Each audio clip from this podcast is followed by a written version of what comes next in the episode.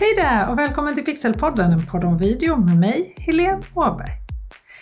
Idag är det inte jag som bestämmer innehållet i den här podden. Det är du som lyssnar och som följer mig på Instagram under Stockholm Pixelhouse eller är i kontakt med mig på LinkedIn, Helene Åberg heter jag där, som har bestämt vad jag ska prata om i det här avsnittet. Och självklart även du som är med i Facebookgruppen Pixelpodden, en podd om video. Är du inte med där så tycker jag definitivt att du ska gå med nu. Jag kommer bland annat att sända live just i den gruppen om ett par veckor och det vill du inte missa, eller hur? Det är ju något visst med just livesändningar. Den där nerven som kommer så snart det är live, den där känslan som inte går att upp uppbringa när man spelar in video i förväg. Det är något, ja, det är något speciellt. Vad som helst kan hända och fokuset blir lite större. Alla, oavsett om det är jag och mina kollegor när vi gör stora direktsända TV-program eller om det är jag ensam hemma på kontoret där jag sitter och spelar in den här podden nu. Oavsett om det är liksom för mängder av människor eller i en stängd grupp som till exempel då i Facebookgruppen Pixelpodden, en podd om video om ett par veckor man går upp lite mer på tå när vi sänder live. Alltså jag älskar det, adrenalinet sätts igång, det är underbart. Och första frågan här idag handlar om just live, om LinkedIn live. Den kommer från Mikael Olsson som skrev en fråga på just LinkedIn som en kommentar på ett inlägg om att jag skulle sända live på LinkedIn då.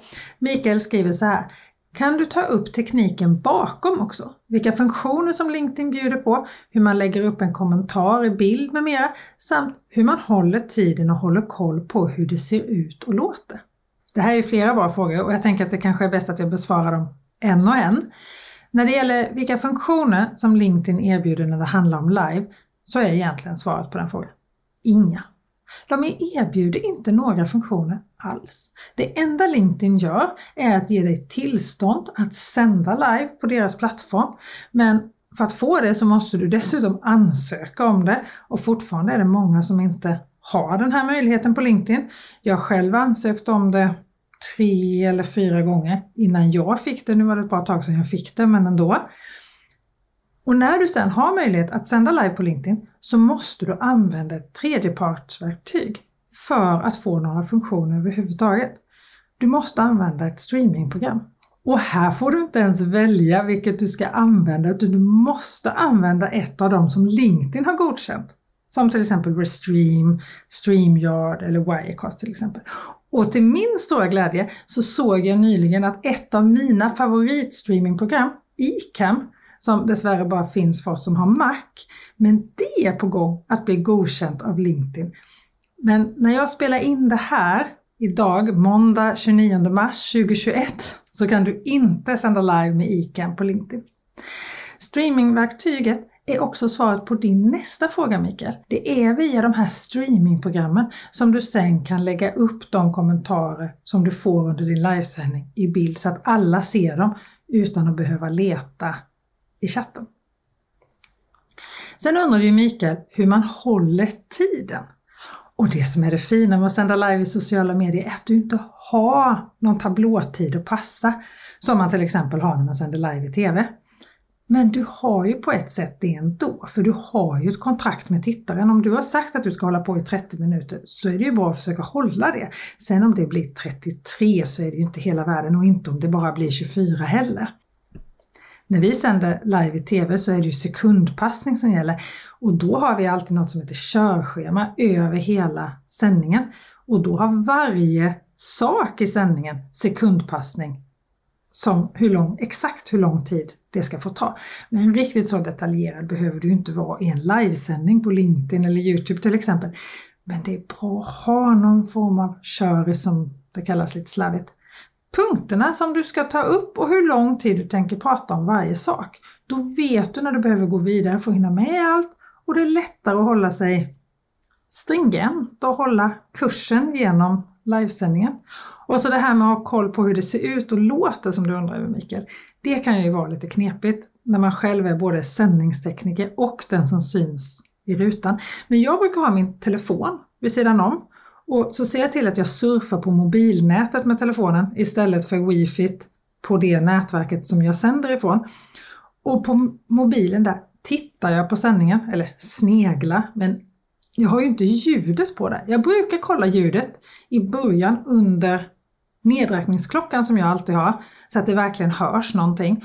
Och sen kollar jag bara lite nu och då under sändningen i ögonvrån att bilden syns och att det rör på sig, om man säger så.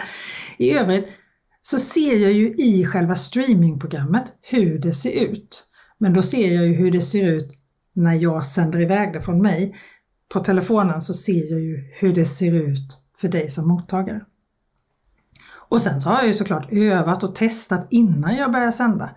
De flesta streamingprogrammen har också möjligheten att spela in en sändning så att du kan öva med att bara spela in och sen titta och se hur det ser ut och låter där. På Facebook, på din personliga sida, kan du till exempel dessutom sända i privat läge så att det enda, den enda som ser din sändning, eller det är du själv. Men det är en inställningssak såklart. Det kan du inte göra på LinkedIn dock. Hoppas att du fick svar på dina frågor Mikael och att det var lite åt det hållet du tänkte dig. När jag var med som gäst i LinkedIn-expertens Linda Björks livesändning på LinkedIn och Facebook för ett par veckor sedan så frågade Ingela Danielsson vad gillar algoritmerna bäst? Livesändning eller inspelad video? Du fick ju svar direkt under livesändningen Ingela, men nu har jag kollat upp det här lite mer och enligt LinkedIn själva så får du sju gånger så mycket reaktioner och 24 gånger fler kommentarer på en live-video än på en inspelad video. Och nog har LinkedIn rätt när de säger att du kan bygga djupare kontakter och öka ditt engagemang med just LinkedIn Live. Och flera olika plattformar som Facebook, Instagram och även LinkedIn skickar ju notiser och lyfter upp livesändningar lite extra så fort de är igång. Så svaret på frågan Ingela är nog att algoritmerna gillar live mer. Men min erfarenhet är att en livesändning inte lever lika länge i flödet som en inspelad video gör.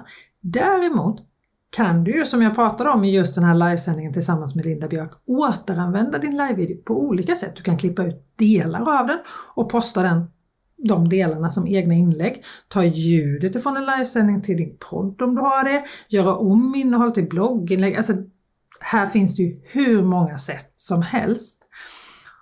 Och det är också ett sätt att få livesändningen att leva vidare även efteråt. Just den livesändningen som jag pratade om här, när jag gästade Linda Björks fredagslive på LinkedIn så klippte jag ut nio olika videos sen i efterhand. Jag har postat de flesta av dem. Det är något jag inte har postat tror jag. Dels på LinkedIn men även på Facebook och på Instagram. Och Linda har också lagt ut hela sändningen på IGTV och på Youtube. Så visst går det att få en livesändning och leva vidare. Hoppas att du fick ett lite matigare svar den här gången Ingela. Maria Karlsson skickade ett DM till mig efter en inspelningsdag när hon och Fanny Dolph hade jobbat hårt. Och de undrade, hade du sparat ner alla filmer i ett speciellt program avsett för videoinnehåll som Vimeo eller liknande? Eller går det lika bra att spara på Google Drive? Google Drive är ju perfekt. Du når det på flera olika enheter och du kan hitta och titta på materialet när du vill. Själv använder jag alltid Dropbox. Jag har ett stort system för både videofiler och allt annat material på just Dropbox. Nackdelen med att ha materialet i molnet istället för på en extern hårddisk är att det ibland kan vara svårt att redigera direkt mot materialet i molnet. Men då laddar jag ju såklart ner det på en bra snabb hårddisk om jag måste redigera mycket material som är hög upplösning och det inte funkar att ha det i molnet. För mig funkar Dropbox klockrent men om du Maria använder Google Drive eller iCloud eller har plats på hårddisken så spelar det ju ingen roll. Bara du enkelt hittar ditt material när du behöver det. Och jag har faktiskt gjort ett helt poddavsnitt om just hur jag har organiserat min Dropbox för videofiler och annat material. Det är fortfarande ett av de mest lyssnade avsnitten hittills i år. Det är nummer 34, Organisera dina videofiler. Det näst mest lyssnade avsnittet i år, det är förra avsnittet av Pixelpodden, en podd om video, nummer 45, videoannonser med Jonas Karlström. Har du inte hört de här två avsnitten så rekommenderar jag verkligen att du lyssnar på dem. Och annonserar du på Facebook eller i sociala medier allmänt så tycker jag inte att du ska spendera en enda krona innan du lyssnar på avsnitt 45 med Jonas Karlström. Alltså Jonas har riktigt bra webbutbildningar dessutom om att annonsera i sociala medier och han kan ju sin sak. Alltså jag kan varmt rekommendera både att lyssna på avsnittet och gå en av hans utbildningar. Dennis Lindström skrev också han på LinkedIn faktiskt som en kommentar till ett av mina inlägg när jag undrade vad du ville att jag skulle ta upp i det här avsnittet, vilka frågor du har. Då skrev Dennis så här.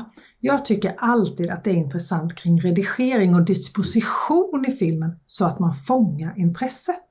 Ja, där är vi två Dennis. Redigering det är någonting av det absolut roligaste jag vet. Jag kan sitta och pilla med detaljer i evighet när det kommer till redigering och då är jag definitivt inte personen med mängder av tålamod när det gäller typ alla andra saker i livet. Min dotter beskrev ordet tålamod en gång när hon var liten. Det är tiden som går mellan att mamma säger till tills hon blir arg och det är inte lång tid. Hon har nog lite rätt. Alltså vänta, pilla med små saker. Nej, jag har verkligen inte mängder av tålamod. Förutom när jag redigerar. Då har jag plötsligt massor. Det är ju små detaljer som gör stor skillnad.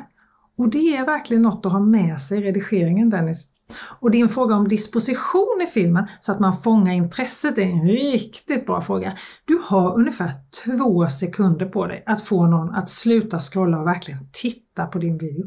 Två sekunder! Det gör ju att alla upptoningar från svart, alla vignetter eller loggor i början av en video går helt bort, eller hur? Börja med det bästa du har, säger jag. Det spelar ingen roll hur bra din video är 50 sekunder in i filmen, om ingen ser så länge. Sen gäller det ju förstås att hela tiden vara intressant för din tittare, att hålla dig till ämnet som de började titta på. Varje video bör bara innehålla ett ämne och vara riktad till en målgrupp. Alltså var så specifik du kan, både när det gäller ämne och målgrupp. Och håll det kort. Det är inte bara jag som har dåligt tålamod på sociala medier. Vi är snabba på att scrolla vidare så snart det är minsta lilla tråkigt eller segt. Stringent och intressant för din målgrupp hela videon igenom. Kommer du under minuten så är det bara bra. Hoppas att du känner att jag svarade på din fråga nu Dennis Lindström. Det här är ju en stor fråga och jag skulle kunna prata om det här länge. Men Annika, ja, hon heter faktiskt bara Annika utan efternamn i sociala medier, har också en fråga. Du har skickat DM till mig med frågan Filmar du i 4K eller i full HD? Det här är också en intressant fråga tycker jag. Jag har fått så många olika intressanta frågor på olika plattformar och försöker besvara dem som jag tror är intressant för så många som möjligt. Här är Pixelpodden, en podd om video. Och har du mejlat eller skickat DM till till exempel Stockholm Pixelhouse på Instagram eller till mig Helene Åberg på LinkedIn och inte fått svar här så kommer jag svara dig personligen, jag lovar. Men tillbaka till Annikas fråga om jag filmar i 4K eller full HD. Nu när våra kameror blir bättre och bättre och vi kan filma i riktigt bra upplösning så blir det ju också giganorma videofilmer som mina barn skulle ha sagt. Ju högre upplösning desto större videofiler. Och Annika, här har inte jag ett rakt svar att ge dig. För det beror på. Det beror på hur du ska använda ditt material. Vad jag ska använda min video och för vem. Kommer jag behöva beskära eller zooma i materialet i redigeringen? Ja, men då filmar jag definitivt i 4K. Men filmar jag till ett inlägg på till exempel Instagram så filmar jag oftast i 1080, det vill säga full HD. Och det finns många som säger att alltid du ska alltid filma i den högsta upplösning du kan och sen konvertera ner det när det är en färdigredigerad video och då göra videon som full HD istället.